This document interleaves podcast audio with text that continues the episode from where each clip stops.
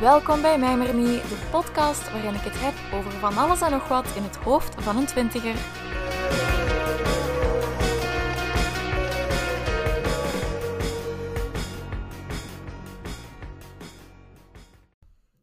Oké, aflevering 2. Nieuwe jingle, zoals jullie hebben gehoord. Was nodig. It took a long time to make. Dus ik hoop dat jullie hem kunnen, kunnen smaken. Ik wil jullie heel hard bedanken voor de reacties op de eerste aflevering. Dat was zo leuk en ik had dat echt niet verwacht dat ik uit zoveel onverwachte hoeken berichtjes zou krijgen. Ik had echt zoiets van: kijk, ik maak dat hier en als één iemand daar naar luistert, dan is dat tof. Um, maar het waren veel meer mensen en dat was heel leuk. Dus echt, dankjewel. Um, ik wist niet zo goed van, ja, wat gaat nu de frequentie zijn waarmee dat ik afleveringen ga maken en ga uploaden. Ik had op voorhand gedacht van één keer in de week, elke zondag. Maar ik besefte al heel snel van, Lise, uw time management, uw planningen, je gaat dat nooit elke zondag kunnen doen. En daarom had ik een poll gedaan op Instagram. En daaruit bleek ook dat mensen zeiden van, ah, hè, ofwel de meeste zeiden wekelijks, of wanneer dat het mij uitkwam, wanneer dat ik tijd had. Dus dat stemde me wel gelukkig, want dat was ook Weekenddag. Dus leuk dat, dat we, weet je, great minds think alike. Um, ja, deze aflevering, ik wilde het eigenlijk over allemaal andere dingen hebben. Maar er is iets gebeurd in mijn leven. Twee weken geleden was er een gigantisch keerpunt. Een keerpunt waarop ik heb beseft, Lizzie Nelissen, het is tijd om aan jezelf te werken. For real this time. Want ik heb al vaak gezegd dat ik aan mezelf ging werken en ik heb al vaak acties, tussen aanhalingstekens, ondernomen om aan mezelf te werken. Maar nu is het voor echt. En ik ben daar twee weken intensief mee bezig geweest. En als ik zeg intensief, dan bedoel ik echt het grootste deel van mijn tijd eh, ging daarnaar. It was a fulltime job. En dat gaat nog een tijdje zo zijn, maar na een tijd gaat het natuurlijk ook wel afbouwen. En ik dacht, weet je wat, ik ga het daarover hebben. Ik ga mijn inzichten op deze twee weken ga ik delen met jullie. In de hoop dat iemand daar ergens iets aan heeft. You never know. En misschien kan ik dan over een tijdje als ik weer wat verder sta, kan ik dan zo'n update geven. Dus bij deze ga ik jullie een beetje vertellen over de inzichten die ik heb opgedaan. Eerst en vooral misschien wel beginnen met een disclaimer, want ik spreek enkel vanuit mijn eigen ervaring en ik ben totaal geen professional, obviously. Het kan echt zijn dat ik hier dadelijk dingen ga, van ga uitkramen waarvan jullie van denken van what the fuck is she saying? Uh, sorry daarvoor. Ik zeg gewoon wat ik denk. Eerst en vooral, dus ik heb dat opgedeeld in zo'n puntjes. Ik ga dat overlopen. Les 1. Als je aan jezelf wilt werken, is het een essentieel gegeven dat je erkent dat je fouten maakt, hebt gemaakt, of dat er dingen zijn waarin dat gesleuteld moet worden. En dat je ook beseft dat dat oké is. Dat is echt belangrijk. Het besef is natuurlijk één, maar je moet er ook iets mee doen. Als je alleen maar weet van, ah, ik heb dat gedaan, ah, jammer. Ja, dan gaat het heel waarschijnlijk zijn dat je dat opnieuw en opnieuw en opnieuw gaat doen. Um, puntje twee is dan eigenlijk van, ja, kijk, jij maakt fouten. En het is heel goed dat je dat inziet. Maar iedereen maakt fouten. Ook die mensen waarvan jij denkt of waarvan jij verwacht dat die perfect zijn. Want zo'n mensen heb je altijd in je leven. Je denkt altijd van, oh, mijn mama die gaat nooit zo of zo doen. Of mijn papa, of mijn tante, of mijn zus, of mijn lief, of die vriendin. Er zijn altijd mensen waarvan dat jij denkt dat die perfect zijn. En die jij dus ook geen foutenmarge geeft. Maar die mensen maken ook fouten. En als jij beseft van, ah, ik, ik, ik heb een fout gemaakt, ik wil die marge, dan moet je dat ook aan anderen kunnen geven. Dus dat is eigenlijk al het belangrijkste gewoon. Dat is eigenlijk al gewoon een superkracht om in te zien, ik maak fouten, net als iedereen, en ik ga er iets mee doen. Als je dat kunt, dan heb je al half gewonnen. Ehm, half, want er is dan nog heel veel werk. En een van die dingen is, um, je excuses aanbieden. Dat is zoiets... Ah, voor sommige mensen is dat heel moeilijk, hè, om echt oprecht excuses aan te bieden. En gewoon te zeggen van, kijk, ik heb dit, dit, dit gedaan. Daarmee heb ik u willen eens gekwetst. En daar wil ik echt sorry voor zeggen. Dat had ik nooit mogen doen. Dat is trots, hè. Trots, dat kan iets mooi zijn, want je mag trots zijn op jezelf als je iets bereikt, als je iets goed doet. Je mag trots zijn op anderen als je merkt dat die vooruitgang boeken. Maar je moet je trots, je persoonlijke trots, ja, die moet je ook opzij kunnen schuiven. Die mag niet in de weg staan van uw weg naar beter worden. Daarom, je nederig opstellen, dat is zo krachtig. Ehm, en dat moet je ook echt doen. Dat is het begin van sleutel aan jezelf.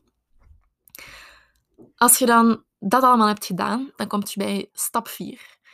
En de vierde stap is om dan te kijken, maar kijk, wat, wat is het nu juist bij mij? Want je gaat waarschijnlijk heel veel dingen hebben aan de oppervlakte, aan de oppervlakte sorry, zo kleine dingetjes waarvan dat je merkt van, ah, ik, reageer zo daarop en met dat doe ik zo en hier doe ik vaak dat. Maar dat zijn maar kleine dingen en die zijn vaak easy to fix. Maar die komen van ergens. En dat probleem, dat zijn vaak één of twee dingen, misschien meerdere dingen, weet ik veel, in je kern. En je kunt dan je heel fel toespitsen op die kleine dingetjes op te lossen. Maar omdat je het niet in de kern aanpakt, omdat je niet bij de wortel van het probleem zit, gaan die dingen terugkomen of gaat je opnieuw van die dingetjes ontwikkelen en gaat je uiteindelijk gewoon terug bij af zijn. Dus probeer echt tot die kern te komen. Dat is moeilijk. En daarvoor hebben we lesje 5. Praat. En niet met één persoon, want dat is een fout die ik gemaakt heb. Ik dacht, hè, ik ga mezelf werken en ik sprak altijd met dezelfde persoon. Maar jij legt veel van uw last op een persoon. Hè? Die persoon moet dat ook kunnen dragen. Hè? Daar moet je rekening mee houden. Je moet met verschillende personen praten en ook de juiste personen kiezen. Kies personen die bloed en bloed eerlijk tegen u zijn. Want het is zoveel leuker om iemand te kiezen die u naar uw mond gaat praten. En die gaat zeggen van, oh, het is allemaal niet zo erg. En het is allemaal niet zo, bla, bla, bla. En dan denk je van, oké, het is allemaal sava. Maar dan ontloopt je de realiteit. Kies iemand waarvan je weet, die is bloed eerlijk. En je mocht dat ook vragen, hè. Je mocht ook echt tegen een vriendin zeggen van, kijk, um, ik wil dat je echt eerlijk bent, want ik heb niks aan bullshit. Ik heb niks aan iemand die mij naar mijn mond praat. Daarmee gaat je niet groeien. En is dat leuk? Nee, dat is kei confronterend. Um, aan jezelf werken in general is super confronterend, maar noodzakelijk. Het is ook niet erg om eens met jezelf geconfronteerd te worden. Je kunt daar alleen maar uit leren. Dus doe dat gewoon en je gaat er beter uitkomen. Nu, ik zei al van ja, je moet je met de juiste mensen omringen. Dat is stapje 6. Omring je met mensen die uw hand vasthouden onderweg. Je zijt niks met mensen die zeggen van, oh ja, komt goed. En er dan niet meer voor u zijn of niet meer op je steunen. Je hebt mensen nodig die je groei zien, die u steunen daarin, die trots op u zijn en die het zeggen wanneer dat je opnieuw iets verkeerd doet of dat je opnieuw in een oud patroon valt. En als dat gebeurt, dan is het ook weer heel makkelijk om te zeggen van, maar ik doe toch mijn best. Nee, accepteer dat. Die doen dat niet voor hun plezier, maar om u te helpen. Dus koester dat ook. En koester die mensen die op die weg bij u blijven. Want je hebt daar heel makkelijk een fout in. En dat is nummer 7. Vaak zijn er mensen die zeggen van, ah, if you don't want me at my worst, you don't deserve me at my best.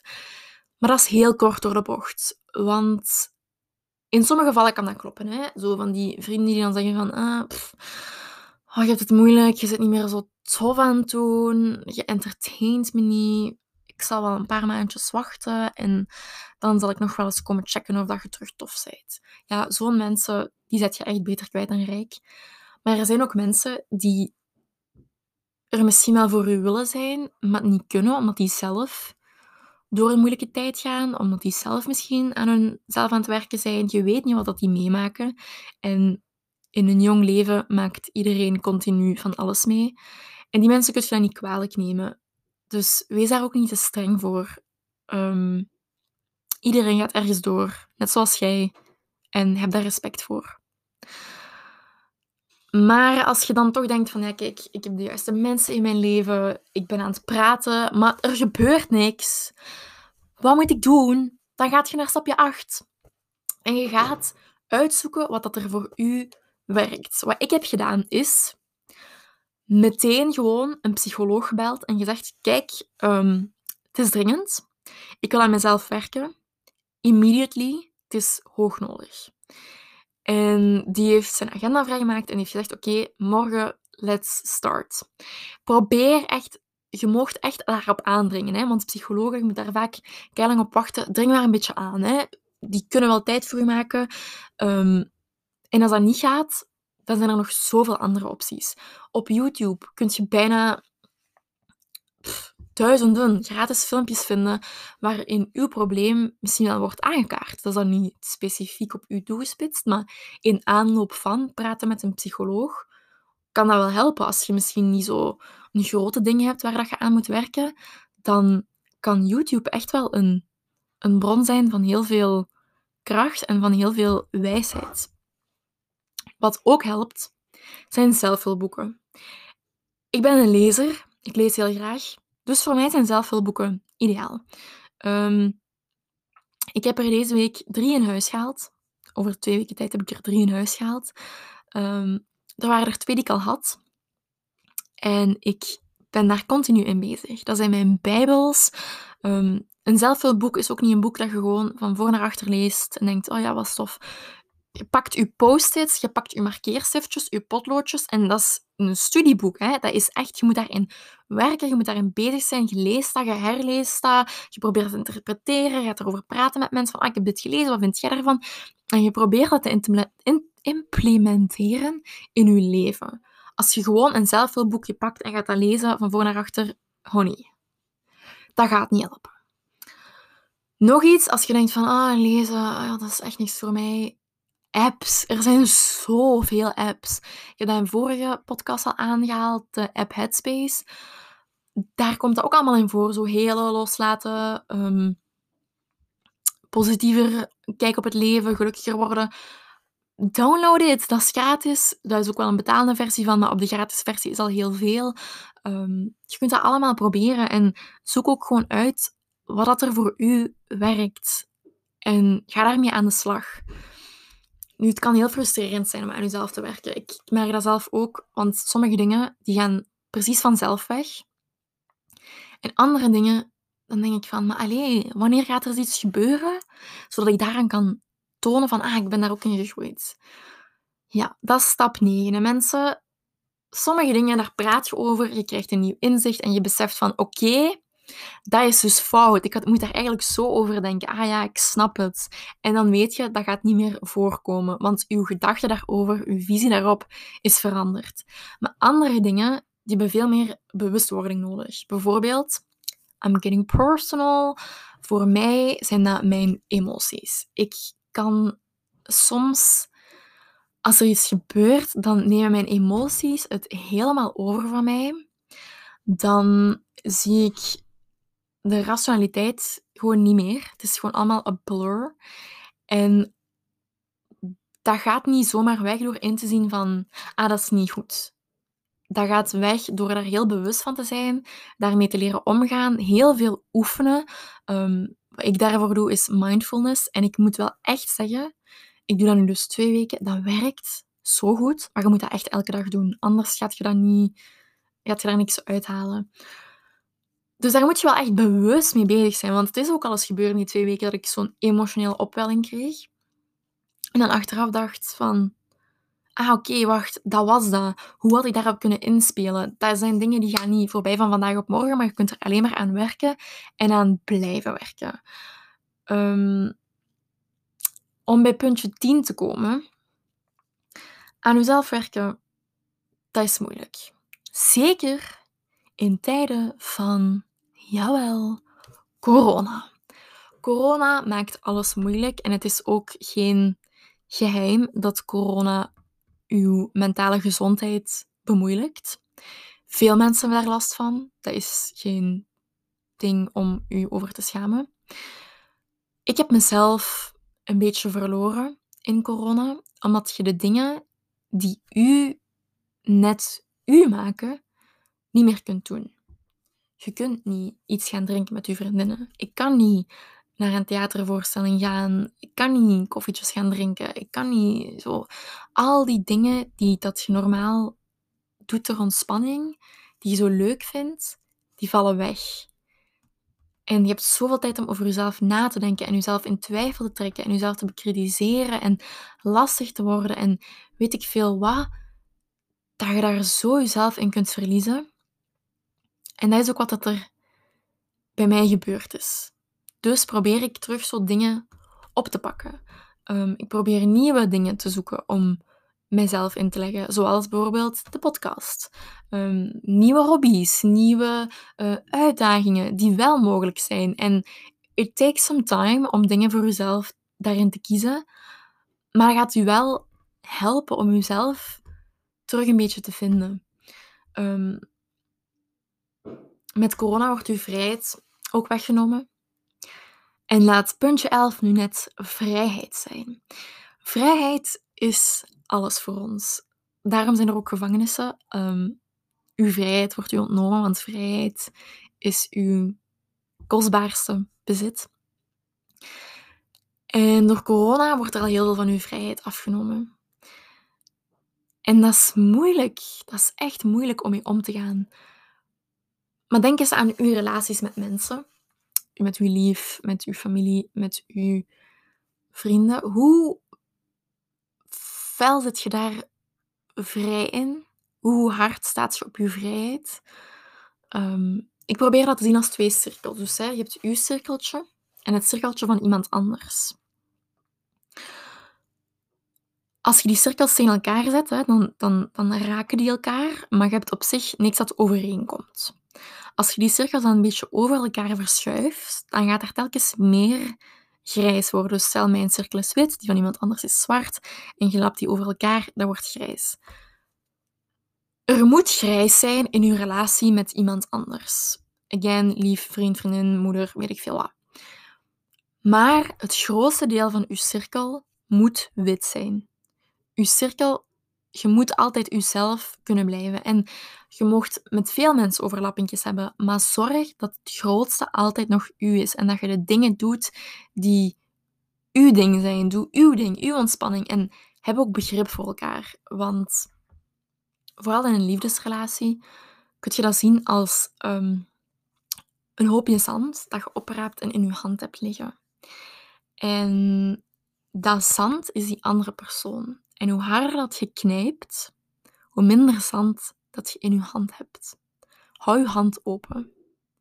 Dat is een heel belangrijk inzicht dat ik heb gekregen.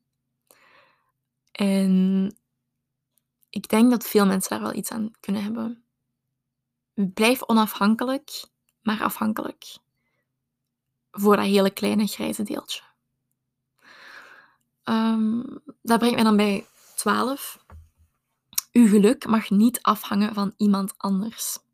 Zeker in tijden van corona is het heel makkelijk om uw geluk bij iemand anders te leggen. Je, gaat, je hebt maar één knuffelcontact, je hebt een buddy, je hebt weet ik veel wat. Uw cirkel wordt klein, waardoor dat je, je kunt je hobby's ook niet meer uitvoeren en zo. Dus het is al heel makkelijk zodat je je geluk bij andere mensen legt. Maar de enige waarvan je weet dat die er altijd voor u gaat zijn, dat je er altijd op gaat kunnen rekenen, dat zijt jij zelf. En dat betekent niet dat je daarvoor anderen niet kunt vertrouwen, dat je andere mensen moet wegduwen. Maar uiteindelijk, je geluk mag niet afhankelijk zijn van anderen. Want dan gaat je nooit gelukkig kunnen zijn. Het is zoals ik daar straks zei, je hebt altijd van die mensen in je leven waarvan je denkt, oh, die zijn perfect en ik verwacht dat die geen fouten maken. Maar dan gaat je heel teleurgesteld worden. Want die gaan ook fouten maken. Die gaan u ook eens teleurstellen. En gaat je dan de hele tijd ongelukkig zijn? Nee, dat kunt je niet verwachten. Daarom, je geluk, dat maakt je zelf. En dat kraakt je ook zelf. Nu, ik, er zijn altijd situaties of omstandigheden die u ongelukkig kunnen maken. Of mensen die, die u ongelukkig kunnen maken. En dan dan, dan, dan ligt dat buiten jezelf. Dat begrijp ik. Maar probeer gewoon ervoor te zorgen dat jij jezelf gelukkig maakt. En dan kun je dat ook aan anderen geven. Ehm, nu, zoals ik al zei, dat betekent niet dat je die persoon niet kunt vertrouwen. En dan komen we bij 13. Een hele belangrijke les voor mezelf. Ik had het altijd heel moeilijk met vertrouwen. Ik was er altijd heel fel in mijn hoofd van overtuigd van ik kan moeilijk mensen vertrouwen. Dat, dat is een vaststaand feit, ik kan dat niet. En dan ontmoet je mensen en je leert die kennen. En er is altijd een bepaald punt waar dat je leert kennen, waarin dat je weet en intuïtief aanvoelt, ik kan die persoon vertrouwen of ik kan dat niet. En ik ben al op het punt geweest dat ik voelde intuïtief, ik kan die persoon vertrouwen. Maar omdat ik altijd tegen mezelf had gezegd van nee, ik heb het moeilijk met vertrouwen, dat kan niet, was dat zoiets van ah, ik vertrouw die, maar in mijn hoofd klopt dat niet. Ehm, nu weet ik, als jij voelt, intuïtief, die persoon kan ik vertrouwen, doe dat dan ook. Iemand vertrouwen is altijd een risico, but it's a risk worth taking. Als het tegendeel bewezen wordt, dan zult je er dan wel zorgen over maken. Dan zult je dat dan wel in twijfel trekken. Niet als, het, als er niks aan de hand is. Vertrouw dan maar gewoon. En vertrouw ook gewoon op je intuïtie dat die juist is. En als het dan ooit tegendeel wordt bewezen, zoals ik al zei, dan deelt je daar dan wel mee. Maar maak je niet te veel zorgen over wat als dan ooit. Want dan gaat je jezelf ziek maken. 14. Nog iets dat voor mij wel een belangrijk inzicht was. Denk na of het het gevecht waard is. Ik was zo'n persoon die altijd dacht van, oh, ik moet mijn stem gebruiken. En als dit er is, dan moet ik daar tegenin gaan. En als ik oneerlijkheid zie, moet ik dat zeggen. En als ik hier niet content mee ben, dan moet ik dat zeggen. En als ik dit voel, dan moet ik dat zeggen. Some things are better left unsaid. Denk echt gewoon na, is dit het waard? Als ik dit ga zeggen, dan gaat daar keihard energie in moeten gestoken worden en dat gaat zoveel creëren. Is het die energie wel waard? Kan ik dit niet gewoon even naast mij neerleggen? Kan ik dit niet gewoon loslaten? Pick your battles, echt waar. Dat is iets. Dat is iets zo allemaal achteraf pas in natuurlijk. Maar het is het niet allemaal waard. Echt niet. Denk goed na. Um, puntje 15. Werken aan uzelf is een constante. Je denkt echt, of ja, ik dacht dat in het begin van deze twee weken, dacht ik van oké, ik ga nu dat en allemaal doen en dan over zoveel tijd is dat opgelost. Ja, dan is dat misschien opgelost, maar dan heb je misschien al tegen iets nieuw gebotst, waarvan je denkt, ah, dat, moet ik ook doen. Oh, of, of dat, dat is toch ook nog iets waar ik me wel soms aan stoor, dat brengt mij moeilijkheden, daar wil ik ook nog aan werken. Dus er gaan altijd dingen zijn. Je hele leven lang gaan er dingen zijn waar je aan wilt of moet werken. Dus dat gaat altijd iets blijven in je leven. Bijvoorbeeld, ik ben daar nu zo intensief mee bezig. Dat is niet haalbaar om de rest van mijn leven daar zo intens en intensief dagelijks uren mee bezig te zijn. Dat weet ik ook. Maar nu is het zo hard nodig en die focus op mezelf maakt me ook gewoon gelukkig. Die doet me ook goed. Dus weet gewoon van, ja, kijk, je kunt daar een tijd intensief mee bezig zijn, heel veel inzichten opdoen. En dan kun je dat ook wat meer loslaten en daar misschien een beetje minder mee bezig zijn, maar toch altijd wel op een bepaalde manier dat je jezelf nog ontwikkelt. Um, en geef ook niet op. Geef jezelf niet op. Dat is wat je doet als je stopt met aan jezelf te werken. Dan neemt je genoegen met je gebreken. En dat mag. Iedereen heeft gebreken, zelfs al denk je van ik heb er geen, iedereen heeft er. En omarm die ook. Maar als het gebreken zijn die u gelukkig, ongelukkig maken, zoals uzelf haten, dan mocht je niet opgeven om die haat weg te werken en die om te zetten in liefde. Want als je jezelf opgeeft, dan pas heb je echt verloren. Nu, dat is allemaal heel makkelijk te zeggen. En dat brengt me dan ook bij puntje 16. Achteraf gezien. Dat is een, een, een, woordgroep die ik de laatste twee weken regelmatig heb uitgesproken. Oh, achteraf gezien zou ik zo, zo, zo, dit, dit, dit, dat, dat, dat, en als ik toen, en als ik dan, en als bla, bla, bla, bla, bla, bla. Dat brengt u nergens. Um, de belangrijkste les is, voor mij persoonlijk, het verleden is niet van belang. Nu is wat er telt. Ik kan lastig op mezelf zijn, omdat ik dingen niet eerder heb ingezien, maar daar ben ik nu niks mee. Dat gaat mij nu niet vooruit helpen. Ik kan zeggen van, ah, waarom, waarom zie ik dat nu pas? Ja, kijk, als je leert fietsen, je mamatje zet je op een fiets en die duwt u. Gaat je dan meteen goed beginnen trappen? Dacht het niet, hè. Ik ben vaak op mijn smoeleke gegaan. Maar dat is ook hoe dat je leert. Je leert ook alleen maar van, ah, ik moet misschien duwen op die trappers als je een paar keer op je smoel zit gegaan, hè.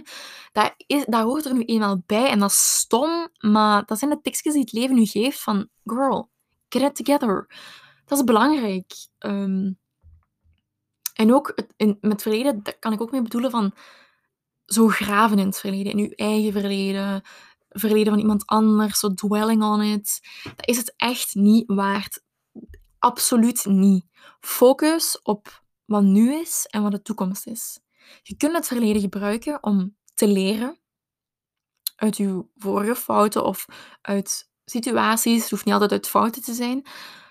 Of om uw strijdbijl met het verleden te begraven. Dat is ook iets wat ik deze week heb gedaan, dat super belangrijk is. Dingen die er in het verleden gebeurd zijn, voor eens en voor altijd ook gaan afsluiten. Gaan praten met die personen en zeggen van kijk, um, ik wil de strijd al begraven. Ik neem hier nu vrede mee. En dat is kilo's uit je rugzak die haalt. En dan mocht je wel naar het verleden kijken, maar niet om het je parten te laten spelen in het heden en in je toekomst. Maar dat is moeilijk. En daarvoor komen we bij puntje 17, loslaten en acceptatie loslaten. Hoe vaak hoort je dat wel niet? Dat je een probleem hebt en dat mensen tegen je zeggen: laat het los. Je moet dat gewoon loslaten. Je moet dat echt gewoon loslaten. En dan dacht ik altijd: ja, it's all fun and games, maar zeg mij dan toch hoe? Hè? Hoe moet je dat dan doen? En daar komt er dan geen antwoord op. Ik heb daar nu research naar gedaan, natuurlijk. En loslaten en acceptatie, dat gaat hand in hand. Stel bijvoorbeeld, ik wil die opwellende emoties, ik wil die loslaten. Wat ik dan deed voorheen was, ah, ik voel zo'n emotie en dan, ah, nee, dat wil ik niet voelen. Oh, shit, shit, shit, ah, nu voel ik nog meer. Ah. Je gaat daar tegen vechten. Maar hoe meer je daar tegen vecht, hoe moeilijker dat, dat wordt. Dat is zo'n beetje gelijk, gelijk drijft, want je zit aan het zakken, dus je bent maar te trappen met je voeten en dit en dat, dat. En je zakt alleen maar dieper. Terwijl als je nu gewoon eens rustig zou zijn, hè, dan je daar zo uit. En dat is het deel van accepteren. Als je dat voelt opkomen of je voelt van, ah, ik ben het weer aan het doen, accepteer dat gewoon. Accepteer dat je die gedachten hebt. Accepteer dat je dat gedrag vertoont. En kijk daar gewoon even naar van een afstandje. Van, ah, oké, ik voel dat nu. Ja, dat is oké. Maar ik ga er niet naar reageren. Ik ga het gewoon laten. En dan gaat dat eens zo snel liggen en kun je dat ook loslaten. Nu, loslaten dat is ook iets dat je alleen maar leert door te doen. En hoe meer dat je dat doet, hoe beter dat je, daar, dat je daarin gaat worden. Dat is gewoon zo. Ehm, maar accepteer het gewoon. Probeer niet te vechten tegen dingen. Als je het verleden wilt loslaten, schrijf dan bijvoorbeeld op of zo, dan weet je van, ik heb het neergeschreven. Het staat ergens, ik hoef er niet meer aan te denken. En als het opkomt, dan accepteer ik dat die gedachte er is, maar ik ga er niet op verder. Probeer zo te denken en dat gaat u wel heel, heel hard helpen. Een laatste punt voor het werken aan jezelf is puntje 18. En dat vind ik misschien wel het belangrijkste. Jij hoeft niemand, not a soul, iets te bewijzen. Niemand. Je doet het voor jezelf en alleen als je dat voor jezelf doet, gaat je daar ook ver mee komen. Je hoeft niemand te bewijzen dat jij een beter mens bent. De mensen die dat moeten zien, die zullen dat wel zien. En als mensen uw waarde niet willen zien, als mensen u niet waarderen, dan zijn ze u ook niet waard. Dat is echt een mindset. Je hoeft dat niet te bewijzen. Je hoeft niet te tonen aan mensen van kijk, kijk, kijk. Ik heb dit en dit en dit toch allemaal gedaan. En kijk, kijk, kijk. Ik bla bla bla. Doe het gewoon voor jezelf. En de rest volgt wel. Als mensen dat willen zien, gaan die dat zien. Als mensen dat niet willen zien, gaan die dat niet zien. But who cares? En die attitude brengt ons dan naar de volgende reeks, zal ik het zo uitdrukken. Dat is zelfliefde. Aan jezelf werken kun je alleen maar doen als je ook zelfliefde ontwikkelt. En dat vind ik moeilijk, want daar komen de onzekerheden. Het eerste wat je moet doen om van jezelf te gaan houden, is het beu zijn. Dat merk ik echt. Ik was het al heel lang beu. Ik heb dat ook vaak gezegd van, oh, ik, ik kan er echt niet meer tegen. Ik ben het kotsbeu dat ik zo denk over mezelf. Ik ben het kotsbeu dat ik s'morgens opsta, voor mijn spiegel ga staan en naar bepaalde dingen kijk en denk, als ik dat nu niet had, als dat er nu zo uitzag, als dit nu dan, als dit nu dat, als dit nu dat. Oh, dat is lelijk. Dat is niet mooi. Ik wilde dit anders. Dat is tijdverspilling. Work with what you've got. Je kunt daar niks anders aan veranderen. Voor mannen is dat ook zo, dat wordt vaak onderschat. Maar mannen staan misschien ook voor spiegel en denken van, ah, mijn armen zijn zo dun, mijn benen zijn zo dun, zo. Oh, ik, ik heb een vetpens en niemand vindt dat mooi, bla bla bla. Dat is tijdverspilling. dit heb je, work with it. Dit is wat het is. Wilt je daar iets aan doen, dan kun je misschien gezonder gaan leven of een beetje meer sporten. Maar dat gaat niet van vandaag op morgen veranderen. Dit is wat je hebt, dit is waar je het mee moet doen. En als andere mensen dat niet goed vinden, zegt dat meer over anderen dan voor u. Om te beginnen, dus geen negatief woord meer over uw lichaam. Ik was hier heel schuldig aan. Hè? Dan stond ik voor de spiegel en dan keek ik naar mijn bovenbenen. Dat is echt het punt waar ik het meest onzeker over ben. Mijn bovenbenen. Misschien moet je dat niet zeggen, ik ga het toch zeggen. In ons gezin zijn bovenbenen een ding. Iedereen bij ons heeft gewoon bovenbenen. Ja, elk mens heeft normaal gezien bovenbenen, I know. Maar zo vollere bovenbenen, zo stevigere bovenbenen. Niet per se dik, maar gewoon, they're there. En dat was altijd zo'n onzekerheid voor mij. Zo deed ik een broek aan dacht ik, oh nee, in deze broek zit je zo fel. In deze broek, bla bla. Ik moet misschien meer kleedjes aan doen, want dan zie je het niet zo fel. Oh, hoe vermoeiend. En dan ging ik in de spiegel staan en zo, oh, ik heb daar cellulitis. Oh, mijn badskes dit, mijn badskes dat. Ja, wij zeggen badskes tegen bovenbenen. Oh, oh nee, oh nee, gaat dat zien, gaat dat zien. Ja, dan, en dan? Echt, en dan? Nu, als ik nu voor de spiegel ga staan, dan probeer ik gewoon te zeggen van... Voilà. Mijn badjes. Ze zijn mooi. Die maken mij mij. Ik steun daarop. Dat is, een deel van u.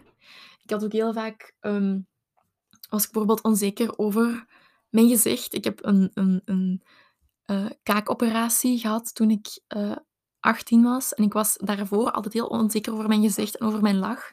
En nu heb ik dat soms nog, ook al is dat totaal niet meer nodig. En dan ben ik gewoon van, kijk eens wat voor een knap meisje dat ik eigenlijk ben. Kijk eens wat voor een schoon mens dat ik eigenlijk ben. Wat heb ik nu te klagen? En je gaat dat niet geloven als je dat tegen jezelf zegt voor de eerste keer. Ik geloofde dat ook niet. Dan kwam ik uit de douche, ik stond voor spiegel en ik zei, oh, knappe madame. Oh, ziet ze staan, knappe madame. Je gelooft dat niet. Maar je moet dat zeggen. Echt, fake it till you make it. Dat is de enige manier. Fake it till you make it. En geef jezelf ook gewoon die schouderklopjes als je effectief iets bereikt. Als je naar jezelf kijkt en echt oprecht denkt van, oh, ik zie er goed uit vandaag. Oh, mijn haar ligt goed. Geef jezelf dan ook gewoon dat schouderklopje. Van, ah, amai, ik vind dat echt. Jee. En dat kan zijn dat je de volgende dag weer denkt van, ach, oh. maar dat maakt niet uit. Dan gaat je gewoon weer faken. En misschien is het de volgende dag dan weer beter. Maar wees gewoon niet te kritisch voor jezelf. Ook niet gewoon op andere gebieden dan uiterlijk. Ik was altijd heel kritisch over mezelf. Heel streng, heel fel van... Oh, ik doe dit niet goed, ik doe dat niet goed en dit zou beter kunnen. Zo bij alles wat ik deed, dacht ik van... Dat moet beter, dat kan beter. Maar daar, dat is gewoon zo negatief. Focus op de dingen die dat wel goed zijn. En wees niet altijd zo kritisch soms dan had ik, dan had ik dan wel weer op uiterlijk een kleedje aan, dacht ik van, oh, mijn taille is nu wel heel mooi geaccentueerd. Oh, maar je ziet mijn heupen. Who cares? Echt, nobody cares. Hou gewoon je krachten in je achterhoofd en denk aan hoe dat je die het beste kunt benutten. Want ik kan al mijn eigenwaarde gaan ophangen aan mijn badjes. Ik ben Lise en ik heb volle badjes. Zo, ah, shit. Dat is niet wat ze bij Victoria's Secret willen. Oh shit. Ik kan al mijn eigen waarden daaraan gaan ophangen en dan ga ik super ongelukkig worden. Of ik kan zeggen, ik ben Lise en ik ben goed in babbelen en ik, ik probeer een goede vriendin te zijn voor mijn vrienden en ik ben hier goed in of ik doe dat graag. Ehm, en daar hang ik dan mijn eigen waarde aan op. Bijvoorbeeld, je kunt goed zwemmen. Hang je eigen waarde op aan dat zwemmen. En niet aan, oh, ik, ik zwem zoveel en nu heb ik brede schouders gekregen. Dat is niet zo mooi. Zo. Dat helpt u niet vooruit. Zoek dingen waar dat je wel goed in bent, waar dat je wel mooi vindt aan jezelf. En hang daar je waarde aan op. Ehm, ga dus ook dingen doen die dat u confidence geven. En dat is voor iedereen anders. Sommige mensen zeggen van, oh, ik voel mij confident als ik mij op een bepaalde manier kleed. Of ik voel mij kei confident als ik complimentjes uitdeel. Voor mij persoonlijk is dat als ik nieuwe dingen doe en die lukken. Bijvoorbeeld mijn jingle. Ik ga er nog eens over beginnen. Toen ik mijn jingle had gemaakt, dacht ik, voilà, nu voel ik me goed. Ik kan weer iets nieuws. Ik heb iets gedaan. En nu denken jullie misschien, ah, die jingle, Lise, let's get real. Maar ik vind die goed. En ik voel me daar confident bij.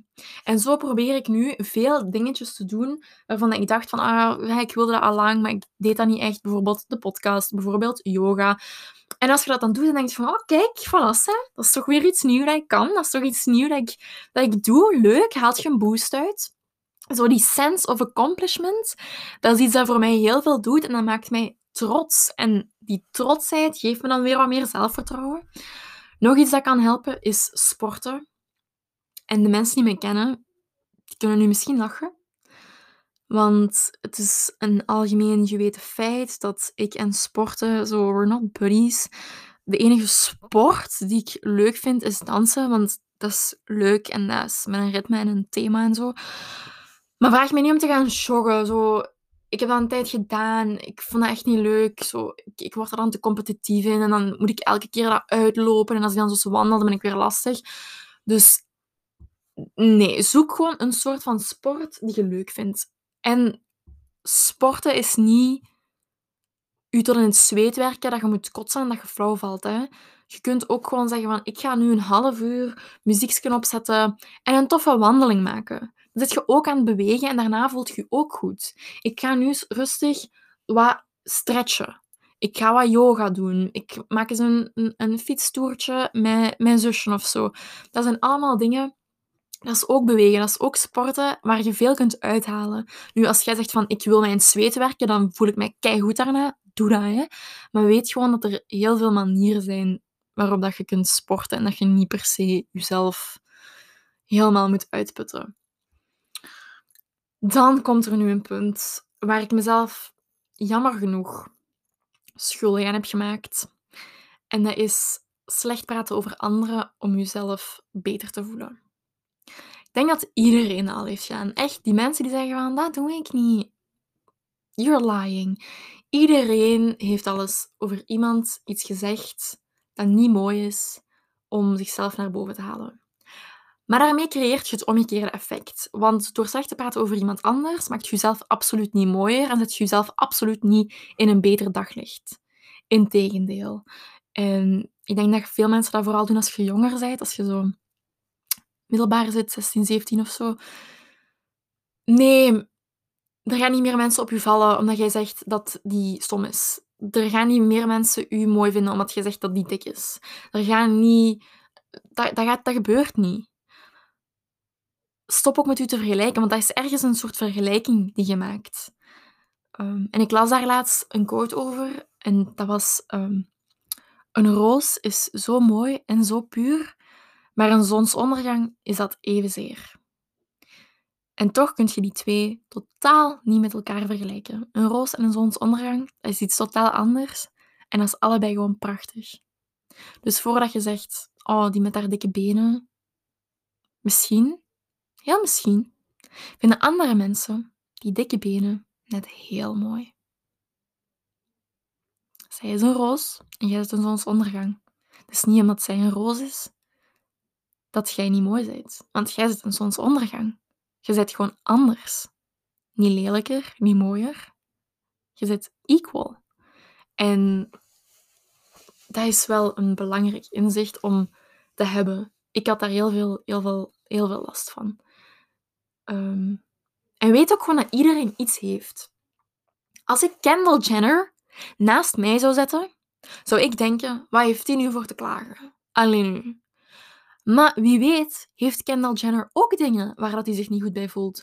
Misschien zegt hij van, ah, mijn stokkenbenen, dat vind ik niet mooi. Ik had liever die basjes van Lise. Ah, dat was het. Iedereen heeft iets en iedereen is daar ook mee bezig.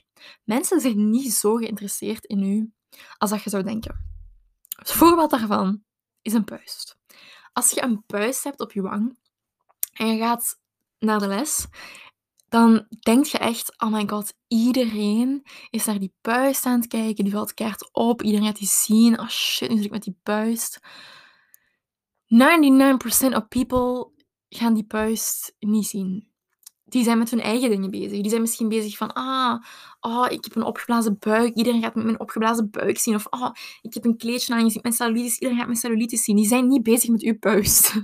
Iedereen is te veel met zichzelf bezig. Dus maak je daar ook gewoon geen zorgen over. En als je die puis hebt, who cares?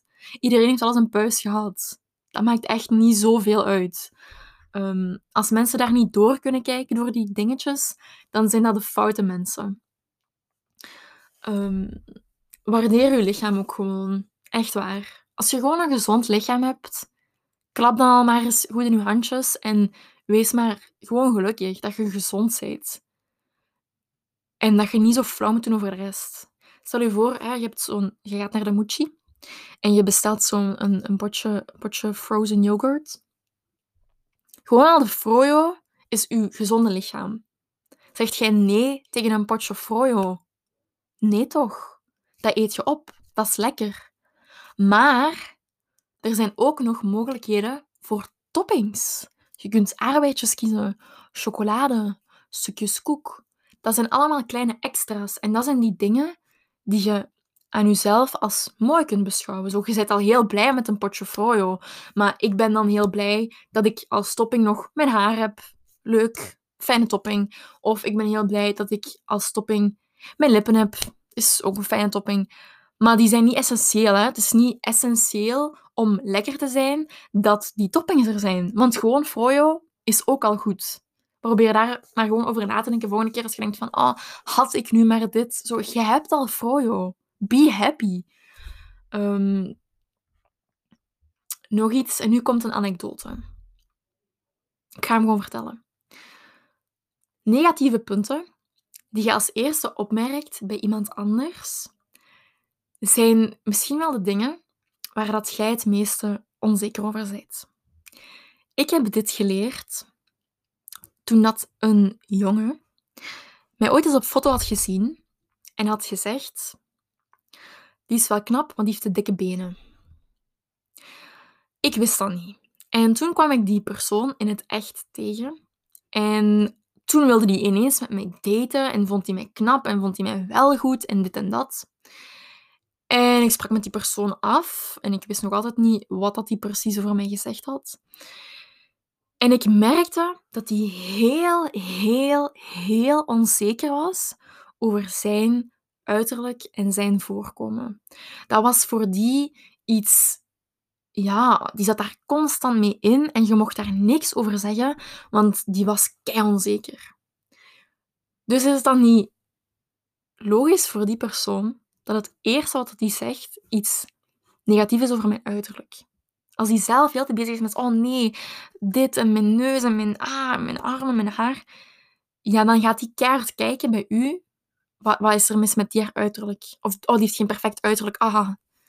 daar moet je bij nadenken. Zo, oké, het is obviously niks geworden toen ik dat door had dat hij dat had gezegd. It was done.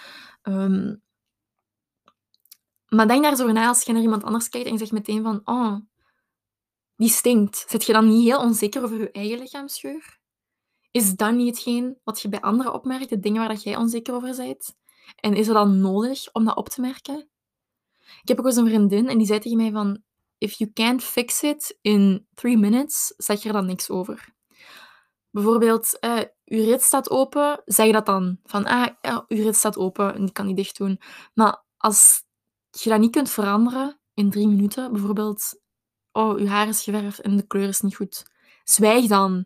Laat die persoon zijn, ook tegen jezelf. Als je weet van, oh, ik heb, ik heb een buigje gekregen door corona, stop dan met daarop te kappen voor jezelf. Je kunt dat niet veranderen binnen dit en drie minuten als je uit de deur bent. Laat het los. Echt. Um, wat ik daar dan ook over wil zeggen, hè, over die jongen.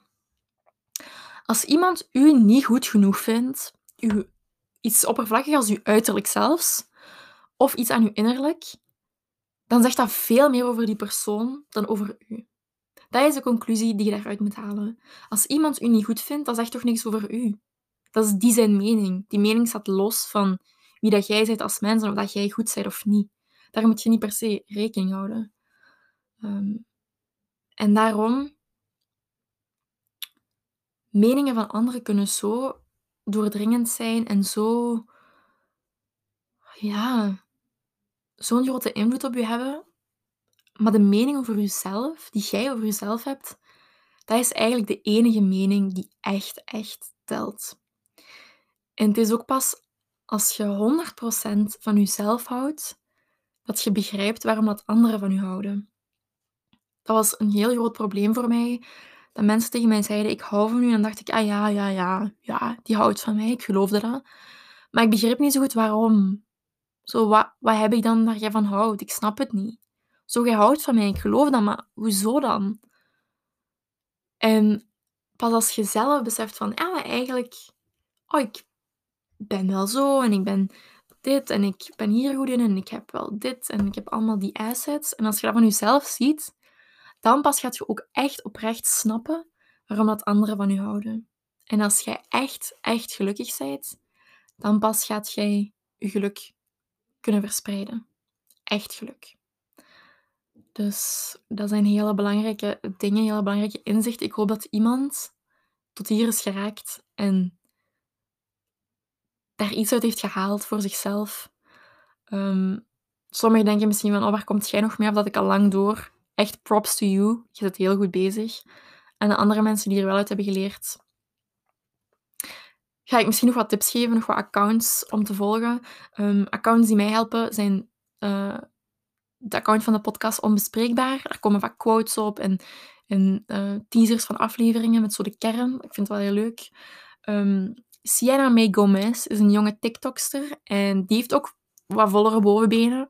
En ik vind dat een prachtig meisje. En dan denk ik van, waarom vind ik die zo prachtig en mezelf dan niet, als mijn lichaam daar best wel op lijkt. Ehm, dus die volg ik dan, omdat ik dan ook meer van mezelf ga houden. Ehm, nog iets dat ik volg is zo Vivian Horn. Dat is een, dat is een Hoorn, sorry. Dat is een meisje uit Nederland en die is ook wat voller en die houdt keihard van haarzelf en die is kei mooi. Um, gewoon zo mensen die niet ideaal beelden zijn, zou ik echt aanraden om te volgen.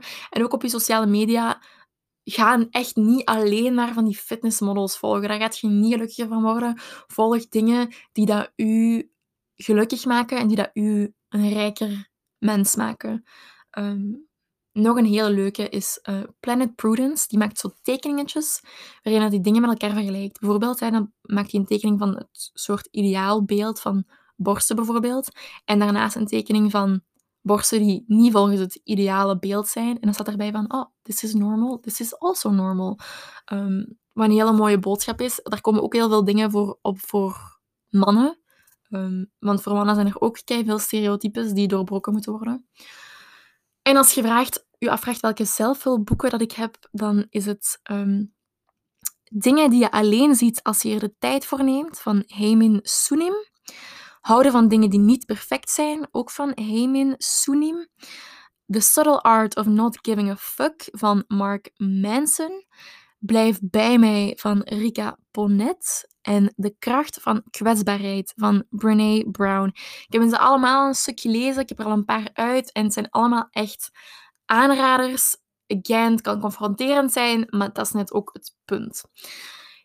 Dan zou ik deze aflevering, sorry, oh, is al lang, afsluiten met drie dingen die mij de afgelopen week gelukkig hebben gemaakt. Um, ik heb gelezen dat als je dat elke dag doet voordat je gaat slapen, dat je dan na tien dagen al een stuk gelukkiger bent. En ik geloof daar ook echt in.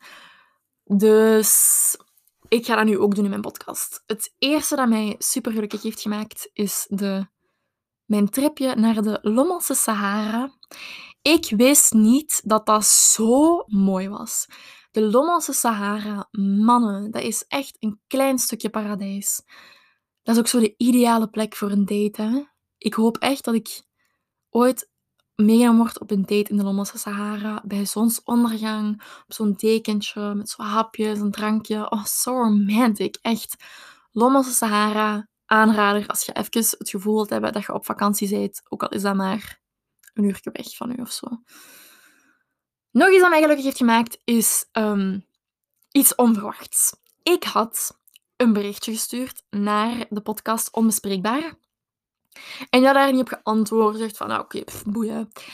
Maar ineens, een paar dagen later, kreeg ik vier full-on video's waarin dat er van alles werd uitgelegd en van alles werd besproken voor mij en tips werden gegeven. En ik was van, oh my god, dank u. Dus ik reageerde er opnieuw op en die reageerde dan nog eens met extra tips en dan reageerde ik nog eens en dan nog eens. En dan heb ik eigenlijk gewoon een paar dagen um, daar een heel, heel leuke chat mee gehad en ook heel veel uit gehaald en heel veel uit geleerd. Ehm, ook dingen die ik nog allemaal daar rond ga onderzoeken en zo.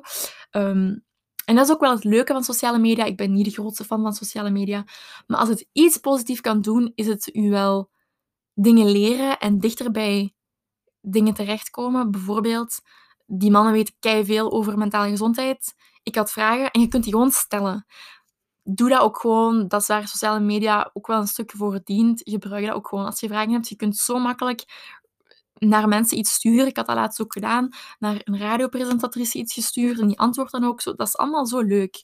Ehm, en het derde ding dat mij heel gelukkig heeft gemaakt deze week zijn jullie lieve berichtjes. Oh, cringe.